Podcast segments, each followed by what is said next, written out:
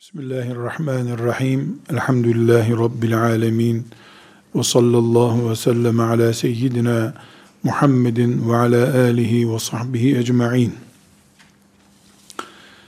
Yeryüzünde ümmeti Muhammed kalitesinde kardeşler olarak yaşamaya mecburuz. Bunu bizim seçimimiz veya beğenimiz olarak göremeyiz. Allah böyle istiyor. Bu şartlarda yaşamamıza Müslümanlık, Muhammed Aleyhisselam'ın ümmeti olmak diyor. Kur'an'ın hiçbir yoruma gelmeyecek kadar açık talimatı budur.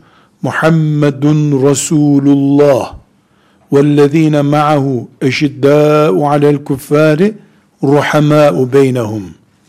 Muhammed Allah'ın peygamberidir onun yanında olanlar da kafirlere karşı dik dururlar. Kendi aralarında ruhamâ'u beynehum merhametlidirler. Birbirlerine kardeş gibidirler. Ondan sonra böyle olursa terahum rukkan succeda. Onlar bu pozisyonla secde ederken, ruku yaparken senin gözüne çarparlar aralarında ruhamâ'u beynehum merhametin hakim olduğu kardeşlik ortamını oluşturduktan sonra ruku ve secde ümmeti Muhammed'in yaptığı işlerden olur. Bu sebeple hiç tereddüt etmeden yeryüzünde Müslüman olarak Allahu Ekber La ilahe illallah Muhammedur Resulullah diye slogan söylemenin anlamı şudur. Bizim her çocuğumuz, her delikanlımız, her kızımız, her erkeğimiz, Adem'in çocuğuyum, Muhammed Aleyhisselam'ın ümmetiyim, Allah'ın kuluyum diyecek. Bundan başka ortak paydamız olan bir şey yoktur. Yöresel olan olabilir. Ailevi olan olabilir şirketimize ait değerlerimiz olabilir. Ama kuzeyden güneye, doğudan batıya, havada, yerde, karada, denizde, her yerde Adem'in çocuklarıyız. Muhammed'in ümmetiyiz aleyhissalatü vesselam. Allah'ın kuluyuz. Bu üç şeyi ortak payda edinmedikçe zaten kelime-i tevhidin anlamı çıkmıyor Allah'ın Resulü Muhammed'le beraber olmanın manası da ortaya çıkmıyor. Adem'in çocuğu olduğumuz insani ilişkimize standart getiriyor. Muhammed Aleyhisselam'ın ümmetinden olmamız dışımızdakilerden farklı bir kitle, bir büyük grup insan olduğumuzu ortaya koyuyor. Allah'ın kuluyuz derken de başka hiç kimsenin hükümranlığını kabul etmeyiz. Allah'ın şeriatı yaşam tarzımızdır demek oluyor. Bunun için yürürken, otururken, yeryüzünde bir iş yaparken bize hayat veren ruh bu üç şey üzerinde duruyor. Adem'in çocuğuyum. Muhammed'in ümmetiyim, Allah'ın kuluyum. Hepimiz Adem'in çocuklarıyız. Muhammed Aleyhisselam'ın ümmetiyiz elhamdülillah. Ve Allah'ın kullarıyız. Onun şeriatıyla yaşarız onun şeriatı için ölürüz. İnşallah onun şeriatının adamları olarak e, ölüp diriliriz inşallah. Bu üç şey, Adem'e çocuk olmak, Muhammed'e ümmet olmak, Allah'a kul olmak. Bu sabitleşirse, temel tavizsiz sistemimiz bu olursa, toplumumuzu, hayatımızı, devlet mekanizmamızı, şirket, ticaret yapımızı, ziraatimizi, aile ilişkilerimizi, bu Adem, Muhammed ve Allah isimleri oturtur bir kenarda kabullendirirsek, o zaman mezhebimizin, tarikatımızın, vakfımızın, yaşadığımız şehrin, etnik kimliğimizin farklı olması hiçbir etki oluşturmaz. İslam bir çünkü. Adem'in çocuğu ol. Muhammed Aleyhisselam'ın ümmeti ol. Allah'ın şeriatına göre yaşa. A, B, C, D, E mezheplerinden herhangi birisinden ol. Tarikatın A olsun, B olsun, C olsun. A vakfı, B vakfı, C vakfı istediğin vakıfta bulun. Yeter ki Adem'in çocuğu olduğunu unutma. Adem'in de topraktan olduğunu unutma. Muhammed Aleyhisselam'ın ümmetisin. Başka bir çatıda asla toplanamazsın. Allah'ın kulusun. Onun şeriatı sana gönderdiği din senin yaşam tarzındır. Bunu kabul ettikten sonra bizim herhangi bir şekilde mezhebimizin, tarikatımızın sorun oluşturması mümkün değil zaten. Oluştursun desek de sorun oluşturamaz. Neden? İslam'dan değerli bir mezhep kuramayacaksın çünkü. Muhammed aleyhisselamdan daha büyük bir liderin hiçbir zaman olmayacak. Adem'in çocuğu olduğun için de bağırsaklarında tuvalete atmak zorunda olduğun şeyler bulunduğunu hep bildiğin sürece de kimseye kibirlenemeyeceksin. Bu Adem'in çocuğu olmak, Muhammed'e ümmet olmak sallallahu aleyhi ve sellem ve Allah'a kul olmak, şeriatına mahkum olarak kendini yaşayacağını bilerek hissetmek, her şeyin kıvama gelmesidir. Bu büyük kıvam, bu üçlü değer üzerine oturtulmuş bir hayat tarzı, bir Müslümanlık mezheplerin etkileyemediği Müslümanlıktır. O zaman İmam-ı Azam rahmetullahi aleyhin talebesi olman sadece bir okulun içinde bir sınıfın talebesi olman anlamına gelir. İmam-ı Azam'a da rahmet olur bu, sana da rahmet olur. Öbür sınıfın adı da Şafii isimli öğretmenin talebesinin olması da okulu etkilemez. Okul çatısının altında bir öğretmenin sınıfı bu. O öğretmene de rahmet sebebi olur. Talebelerine de rahmet sebebi olur. Bu iki imam da birbirinin rahmet sebebi olurlar. Onlar bir arada durduğu için Allah'ın şeriatı ayakta durur. Şafiilik büyümez. İslam büyür o zaman. Şafii çalıştıkça Allah'ın şeriatı güçlenir. Ebu Hanife çalıştıkça Allah'ın şeriatı daha yaygın hale gelir. İmam Malik var oldukça İslam erime tehlikesi yaşamaz. Nitekim rahmetullahi aleyh İmam Malik'le beraber Avrupa'nın göbeğinde Paris'e 100 kilometre kadar yakın bir mesafede Endülüs İslam medeniyeti kuruldu. İmam Malik Avrupa'nın o büyük uygarlık denen safsatasının ortasında İslam şeriatını yaşatan mezhebin adı oldu. Ama İslam güçlü oldu. Sonra oradakiler şu ekol bu ekol deyince yani İmam Malik'in İslam'ı güçlendirdiği yapının yerine fırkalar birbirlerine savaş, savaşmaya başlayıp İslam'ı ikinci isim haline getirdiklerinde Endelüs'te gitti, İslam da gitti, ezanlar da gitti. İstanbul bundan ibret almazsa, Ankara bundan ibret almazsa, Diyarbakır bundan ibret almazsa, hiçbir şekilde Kurtuba'dan daha güçlü olmayan Trabzon ve Rize bundan ibret almazsa, Endülüs'ün yıkılmasına izin veren Allah, başka yıkılmasına izin vermeyeceği hiçbir yer yoktur Medine hariç. Bu fitne ve fesada, bu kardeşliği zedeleyen yapılanmaya karşı, ümmeti Muhammed tedbir almazsa şunu bilmelidir ki Resulullah sallallahu aleyhi ve sellem, İslam şehirlerini kaybede ede sonunda Medine'de sıkışıp kalacak. Medine'den başka bir yerde İslam kalmayacak diye ikaz etmiştir. Bir kere ezan okundu buralarda diye gitmez şeyi yok. 800 yıl hatta 810 sene Kurtuba'da ezan okundu. Ümmet olma şuuru yerine şu kralın, bu kabilenin, bu taifenin Müslümanı olma şuuru yerleştiği gün İslam bir asrı bulmadan unutuldu, silindi, gitti. Müslümanlar giyotine kurban edildi. Kaçıp başka yerlere gitmeye çalışırken de gerisi denizde boğuldu gittiler. Endülüs'ü Avrupalılardan önce Endülüs Müslümanları imha ettiler. İslam'dan başka çatı kurabildiler. Kral olmak, kral çocuğu olmak, Kurtuba'da iyi bir tüccar olmak, Adem'in çocuğu olduğunu unutturdu. Dolayısıyla İslam onların kurtarıcısı olmadı hiçbir zaman. Çünkü onlar İslam'ı tek ölçü kabul etmemişlerdi. İslam veda hutbesinde bile Resulullah sallallahu aleyhi ve sellemin ikaz buyurduğu şekilde Adem'in çocuklarısınız. Adem de topraktandı. Bitti. Ümmetimsiniz. Bitti. Allah'ın kullarısınız.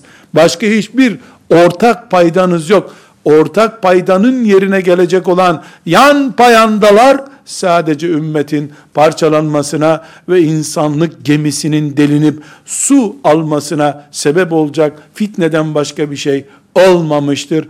Allah bu ümmete ikinci bir Endelüs'ü yaşatmaya diye dua ediyoruz ama Endelüs olmaya doğru hocalarımız, siyasetçilerimiz, grup liderlerimiz, vakıf başkanlarımız ha gayret, ha gayret ikinci Endülüsler ortaya çıksın diye çalışıyorlar. Bu hal meleklerin hoşuna gitmiyor. Tuttukları raporlara bunu yazıyorlar. Endelüs'te, Endelüs'te bu afeti yaşarken, bu sıkıntıları yaşarken dikkat çekilmemişti. Giyotinler Müslüman kafası doğramaya başlayınca herkesin aklı başına geldi. işe yaramadı. Abdurrahman bilmem ne diye meşhur kral adaylarından biri olan en son Endülüs'ten kovulan adam oturup odasında ağlarken annesi yanına yaklaşmış. Oğlum demiş. Burada anan olan ben karı gibi ağlayacak yerde ümmet olduğunu bilip cihat şuuruyla yaşasaydın ne bugün bizi hicrete zorlamış olurdun ne de sen karı gibi ağlardın. Bari ağlayıp karıların yüzünü karartma demiş. Anasının sözü bu ona. Çünkü ümmet olman gereken yerde 30-40 kuruba bölünmüşün. Her köyde bir krallık oluşmuş. Şimdi şimdi ağlaması bize düşmüş. Matemi bize düşmüş felaket o parçalanma yüzünden yaşanmıştı. Allah bu ümmeti tekrarından muhafaza buyursun Endülüs'ün diyoruz ama bu bizim elimizde olduğunu da bilmemiz gerekiyor. Allah korunmak isteyenleri korur. Korunmak istemek de lafla değil eylemledir. Ve bu yüzden diyoruz ki Adem'in çocuğu Muhammed Aleyhisselam'ın ümmeti ve Allah'ın kulu olma şuuruyla donanmış bir genç kafa, bir ümmet şuurlu kafa, bu hissiyat içindeki genç bir kız, genç bir delikanlı, cami imamı, öğretmen, vakıf başkanı, tarikat şeyhi, o şeyhin halifesi, alim, hoca efendi var ise biiznillahü teala İslam var demektir üç tane beş tane mezhep olması İslam'a güç kazandırır. Zafiyet kazandırmaz. Bu komisyonlara bölünüp projeyi daha çabuk bitirelim deme serüvenidir mezheplerin var olması o zaman. Çünkü şiar, slogan İslam'dır. İslam'ın olmadığı yerde mezhep yoktur diyebildikten sonra bir sıkıntı yok. Aynı şekilde Müslümanların değil Nakşi, Kadiri, Şazeli 100, 200 tarikat çeşidi olsun. Nasıl olsa hepsinin suyu İslam'a akacak. İslam beslenecek olduktan sonra her tarikat başka bir zaviyeden İslam'ı güçlendiriyor demektir. Komisyonlara bölünmüştür. Bir komisyon gençlerle ilgileniyordur. Öbür komisyon Müslümanların ihtiyarları ilgileniyordur. Öbür komisyon bu komisyonlar bulunmayacak olsaydı hepsinin bir isimle yapılması belki zor olacaktı. Sorunumuz tarikatların varlığında değildir. İslam'dan değerliymiş zannedilen tarikatların varlığındadır. Hiç kimse şüphesiz İslam'dan değerli tarikat olur mu demeye getirmesin. Bu sadece kendimizi aldatmak olur. Asırların realitesine baktığımızda maalesef var demek zorundayız. Ve hiçbir şekilde Müslümanların Kars'tan Edirne'ye kadar bir Türkiye'den, e, kuzeyden güneye yayılmış bir Suriye'den, altta Yemen'den veya Afrika'da Çad'a kadar bir Mısır'dan, oradan Libya'ya kadar bir Tunus'tan vesaireden yani vatanlara bölünmüş Müslümanlardan vatanlarda farklı yerlerde yaşamış Müslümanlardan İslam bir zarar görmez ki. Türkiye'liler Türkiye'de yaşasın, Yemenliler Yemenlerde yaşasın. Nasıl olsa Kabe hepsinin çatısı gibi duruyor kafalarında. O vatanlar putları değil, kulluklarını, imanlarını yaşadığı yerler, elbette herkes evine sahip olduğu gibi, büyük bir ev hükmünde olan Türkiye'sine de sahip olsun, Yemen'ine de sahip olsun, ama Yemenli, Türkiye ile imha planı planladığı zaman, Türkiye'yi imha etmeyi planladığı zaman, silahını kuşanıp öbür müminin toprağını imha etmeyi düşündüğü zaman ya da Türkiye bunu başka birisine yapmaya kalktığı zaman yani Müslümanlar birbirlerinin evlerinin mahremiyetine saygı göstermedikleri mantıkla birbirlerinin topraklarına saygı göstermedikleri zaman Mekke, Medine, İslam o toprakların hepsinin gök kubbesi değil demektir. Gök kubbesi İslam olmayan vatanda Müslümanın vatanı değildir. Bir ırkın vatanıdır. Bir menfaat çevresinin, bir kapitalist anlayışın vatanıdır o zaman. İslam bu vatancılıktan zarar görür. Yoksa Resulullah sallallahu aleyhi ve sellem Mekkeliler diye hitap etti. Taifliler diye hitap etti. Hepsi Resulullah peygamberimizdir. Muhammed peygamberimiz dedikten sonra niye siz Yemenliyiz diyorsunuz demedi ki kimseye. Meselemiz bizim çok uluslu olmamızda değildir. Uluslarımızı peygamberimizin, dinimizin yerine oturtacak aşırılığa talip olmamızdadır. Eğer ırklarımızı Adem'in çocuğu olma düzeyinde tutarsak, herkes ırkını korumalıdır canım. Allahu Teala hikmetsiz mi yarattı bu kadar ırkı? Hayır.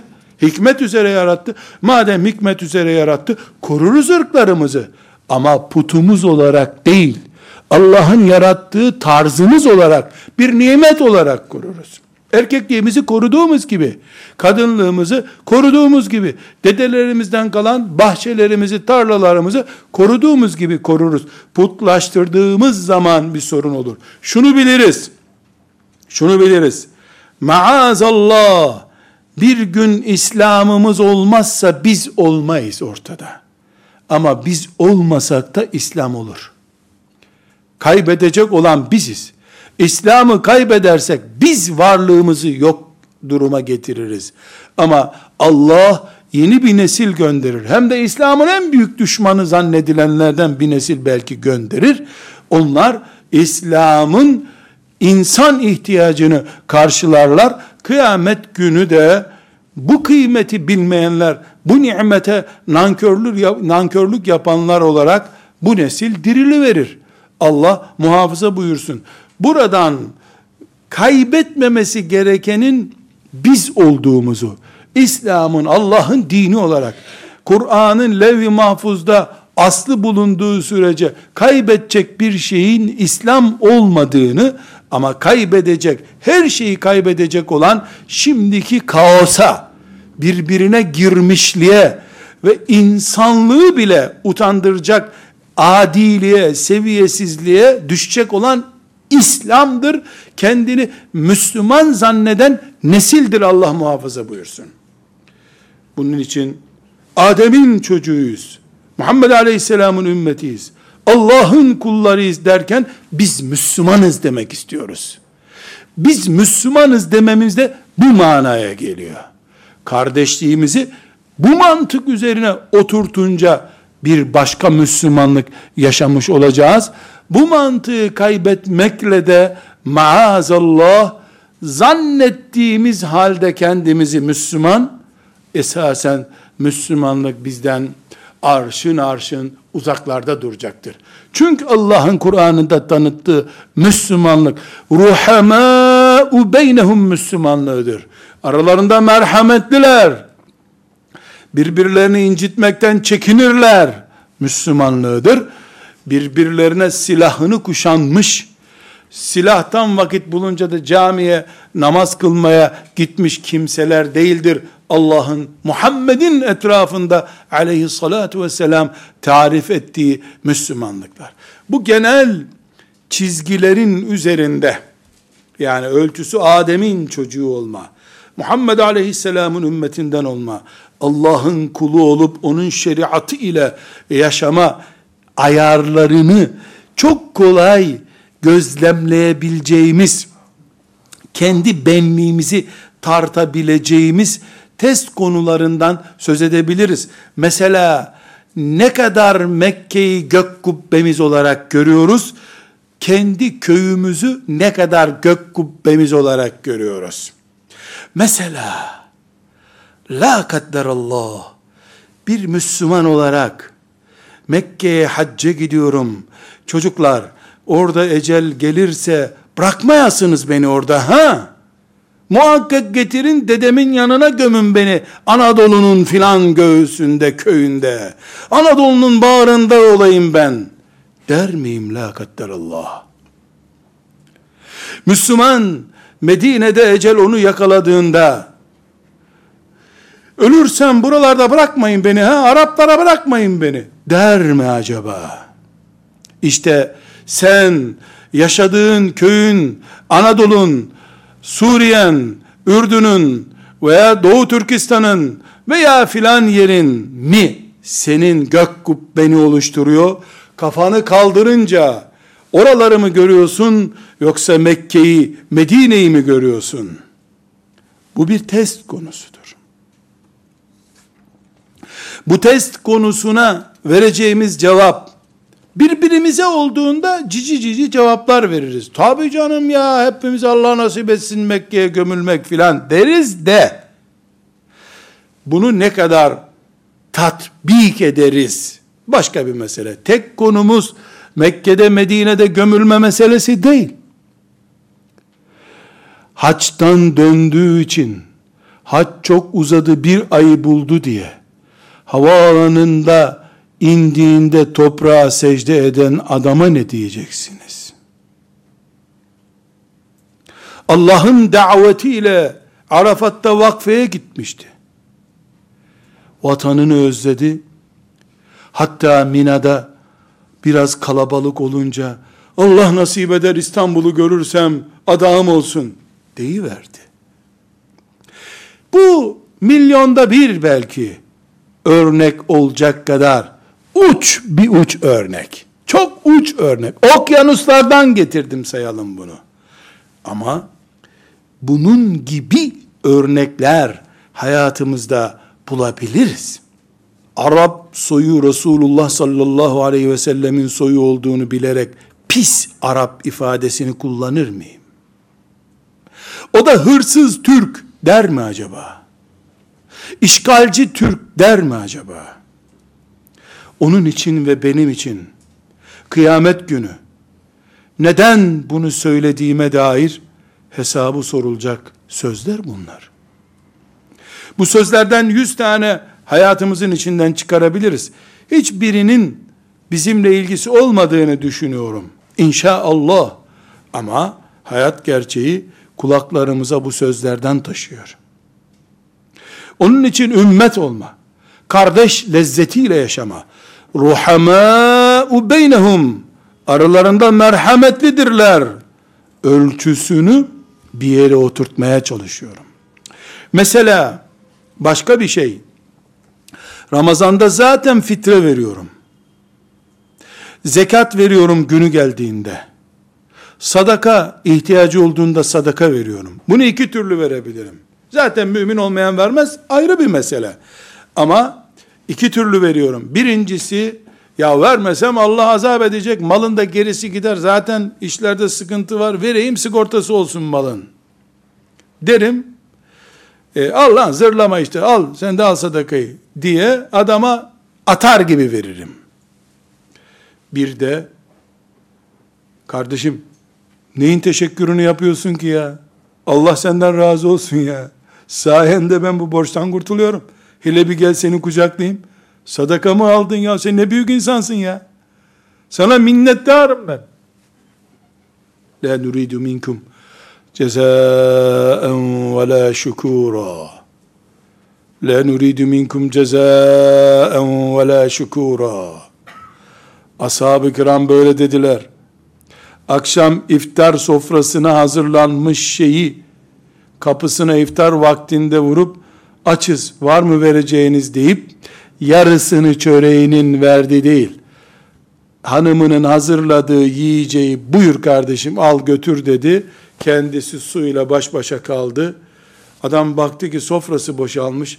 Allah sizden razı olsun. Teşekkür ederiz ey Allah'ın dostu diyene de la nuridu minkum cezaen ve la şükura.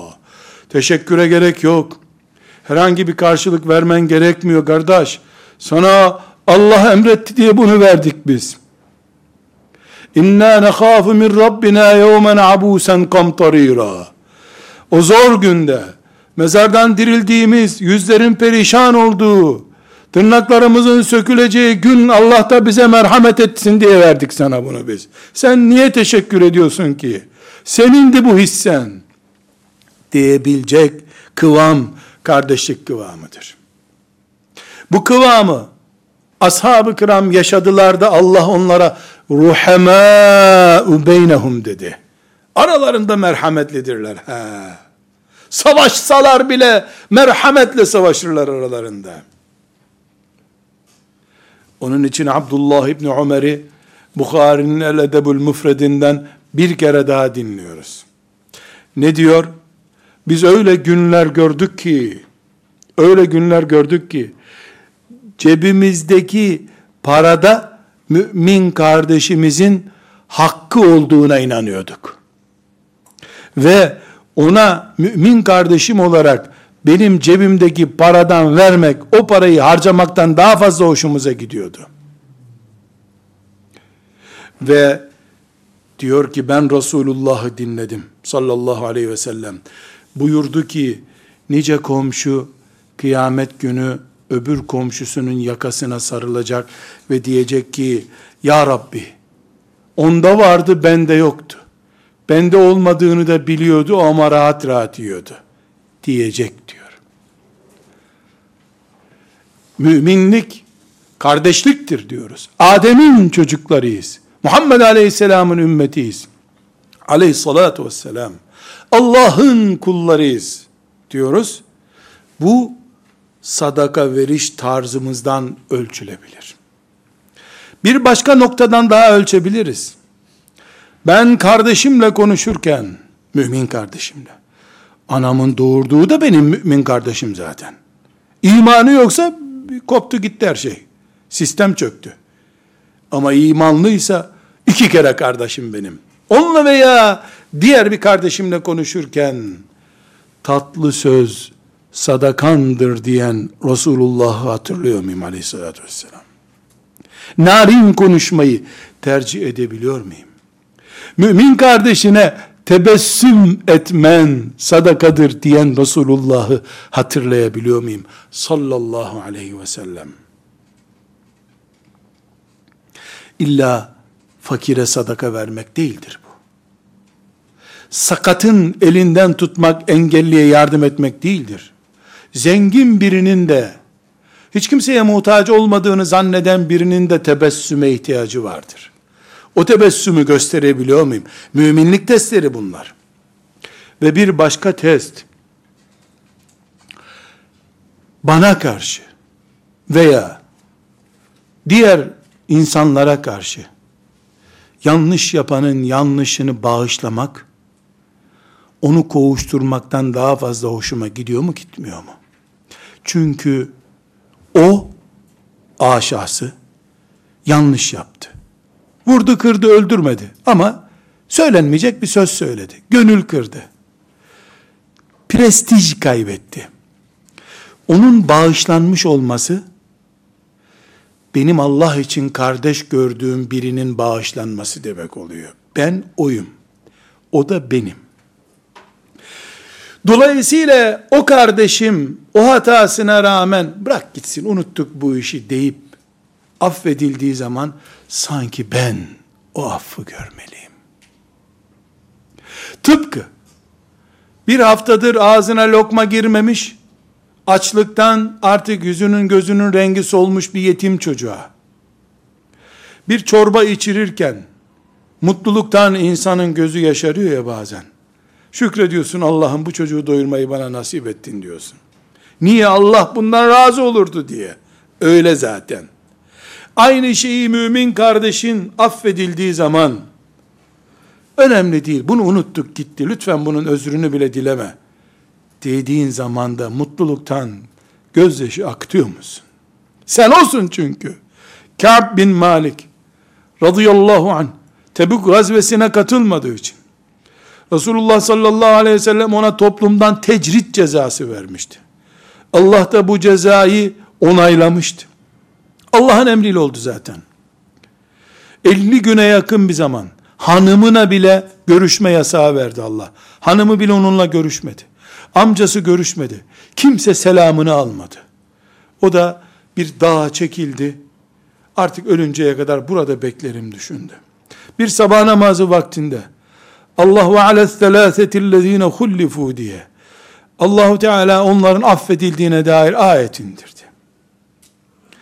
Ashab-ı kiram o kadar sevindiler ki Kâb affedildi diye ve beraberindekiler. Sabah namazını kılar kılmaz. Kimi yalın ayak. Çünkü hayvanını binmek için almaya gitse vakit kaybeder diye üzüldüler. Yalın ayak yürüyerek Medine'nin dışına koştular.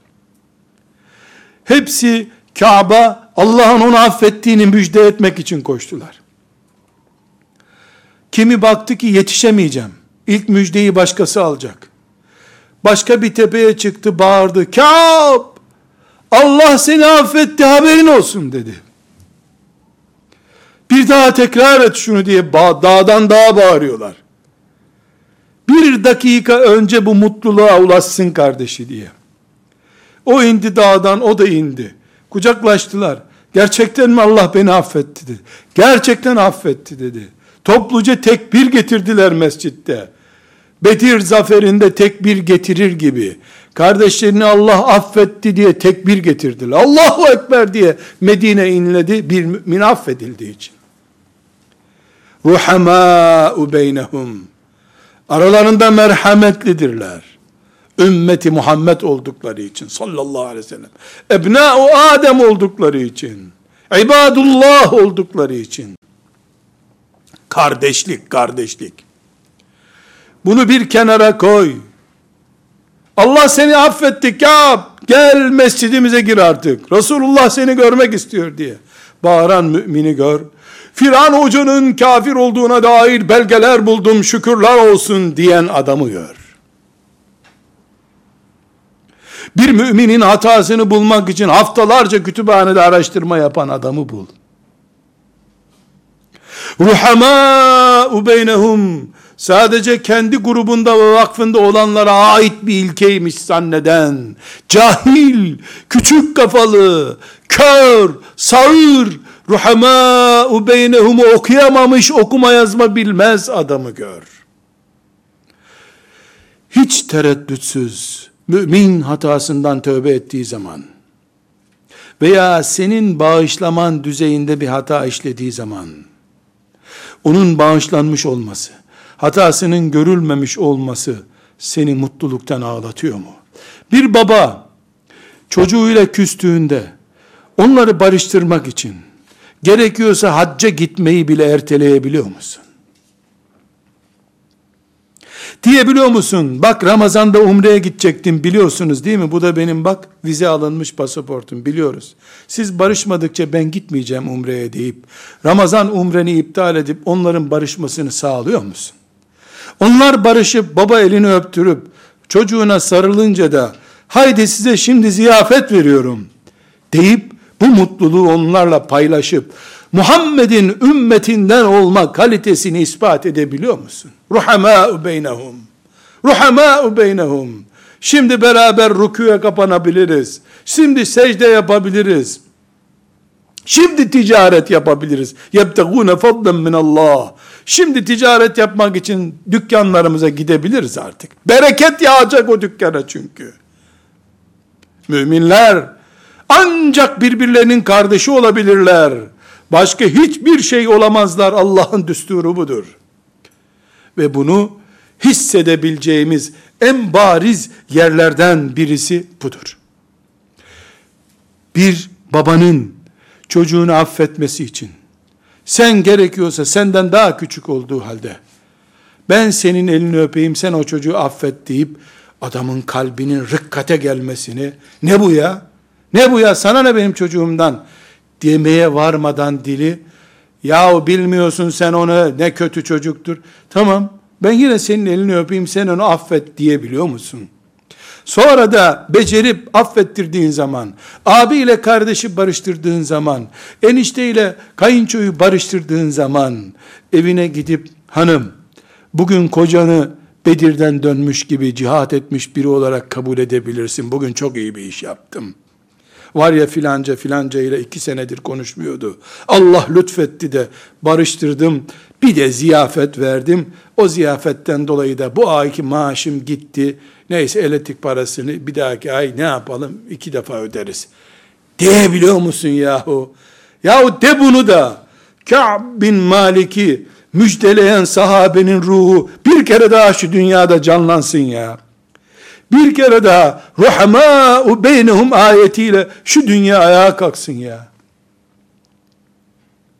Muhammed Aleyhisselam'ın ümmetinin hala yaşadığını, ümmeti Muhammed'in hala Medine hasretiyle İstanbul'da yaşadığını, Ankara'da, Trabzon'da, Rize'de, Erzurum'da, Diyarbakır'da, Siirt'te yaşadığını bir kere daha melekler görsün ya. Bir kereliğine olsun bu hasreti yaşamamız gerekiyor.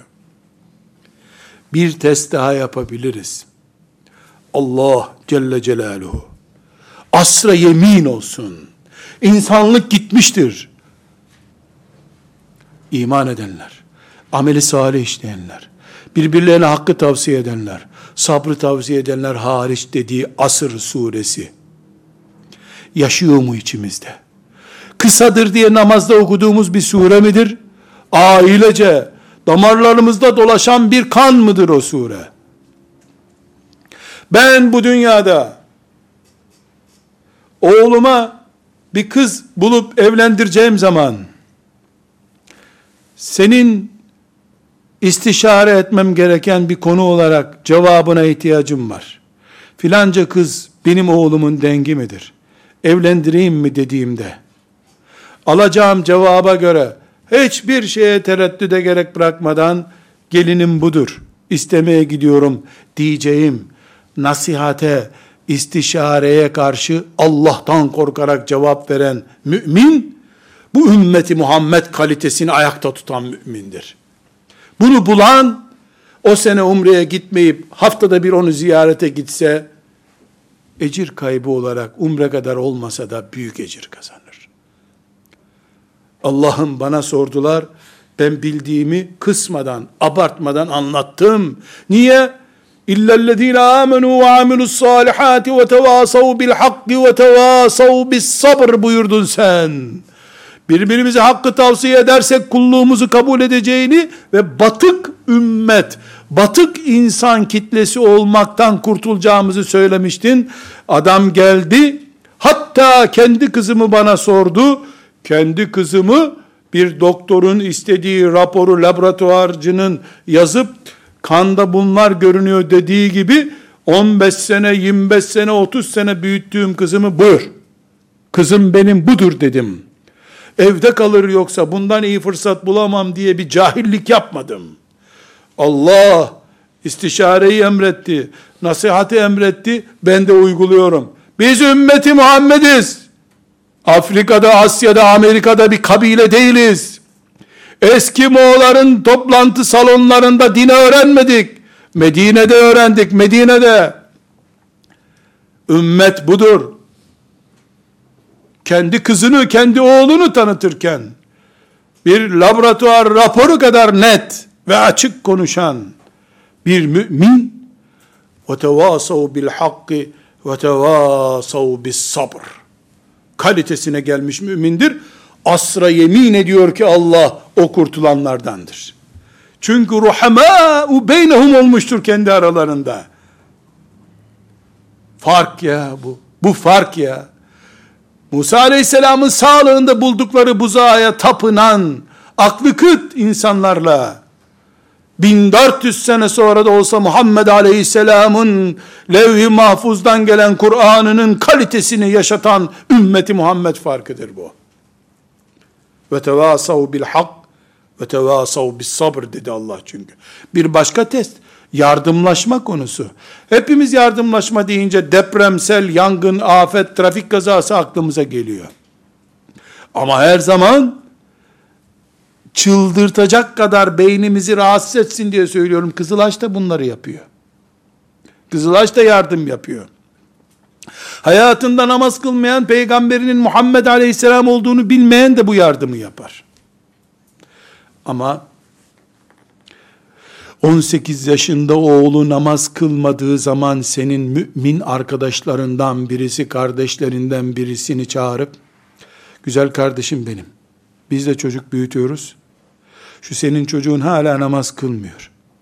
Sen bununla yorulduğun belli, bana devret bu işi. Ben onun amcası olayım. Ben bilet alayım beraber bir Mısır gezisine gidelim. Ben yolda ona namazı aşılayayım. Hayrola yahu senin bizimle ne işin var? Ne demek ne işin var? Adem'in çocuğunda birleştik. Muhammedun Resulullah'ta birleştik. Allah'a kul olmakta birleştik. Daha neyimiz olacaktı? Kendi öz amcası ilgilenmiyor olabilir. Ben buradayım. Sen bir miktar çekil bu çocuğun etrafından. Bir ay, iki ay o çocuğa ısınmak için uğraşıp. Ondan sonra ona bilet al, geziye götür. Üstüne takım elbise al. Eğlenme, eğlendir, yüzdür, gezdir. Ondan sonra iki sene sonra kendi çocuğuna bakıyormuşsun sanki gibi harcamalar yapmışsın, vaktini harcamışsın. Yıllık izinini mümin kardeşinin çocuğunu namaza alıştırmak için kullanmışsın.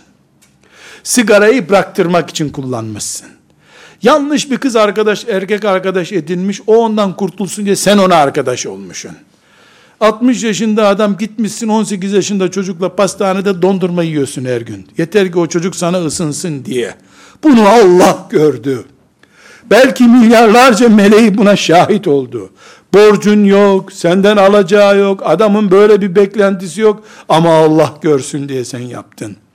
Ya bu ümmet bir kere daha ayağa kalktı demektir. Kardeşlik budur, yardımlaşma budur. Kızıl Hac'ın da yapacağı bir işi yapmak görevimizdir ama Allah'a göstereceğimiz düzeyde ağır değildir bu iş. Birbirimizin çocuklarıyla da ilgilenebildiğimiz zaman ve taavenu alel birri ve takva takvada ve iyilikte yardımlaşın ayeti tecelli etmiştir. Evlenemeyen bir çocuğun annesi engel olduğu için evlenmesine sen sanki valiymişin gibi müdahale edip etme eyleme abla bu çocuğu evlendirelim dedin. Sonunda senin şerrinden korunmak için de olsa adam hadi evlendir dedi. Allahu Ekber. Bir delikanlının iffetinin kurtulmasına yardım etmiş ey Bedir görmüş gibi mücahit adam! Seni melekler nasıl karşılıyor sen? Tahmin bile edemezsin. Ümmeti Muhammed'in ruhamâ'u beynehum diye Allah'ın çatısını gösterdiği kardeşlik hissiyatının örnekleri bunlar. Uçtan örnekler niye topluyorum? Genelini hep biliyoruz zaten. Caminin kapısında düğünde takı yapılırken yardım etmeyi herkes biliyor. Ama bunlar zor ve yardım edildiğinde, yardımlaşıldığında bunaltan şeyler. Mümin yardım istediğinde, ekonomik yardım, bilek yardımı, söz yardımı, nasihat yardımı, orada mısın sen? Sen oradaysan, Allahu Teala fealeykumun nasr buyuruyor Enfal suresinin 72. ayetinde. Fealeykumun nasr. Yardım isteyene yardım edeceksiniz Allah buyuruyor lütfedip yardım kuruluşunu göstermek değildir bu. Yardım etmektir. Fealeykumun nasr. Yardım etmek üzerinize görevdir. Hiçbir şey yapamadığın zaman, hiçbir şey yapamadığın zaman bari dua et. Son on duanı yazı versene. Son on duanda mahallemdeki filan delikanlının sigarasız, uyuşturucusuz hale gelmesini göster bize ya Rabbi. Kalbini yumuşat çocuğun.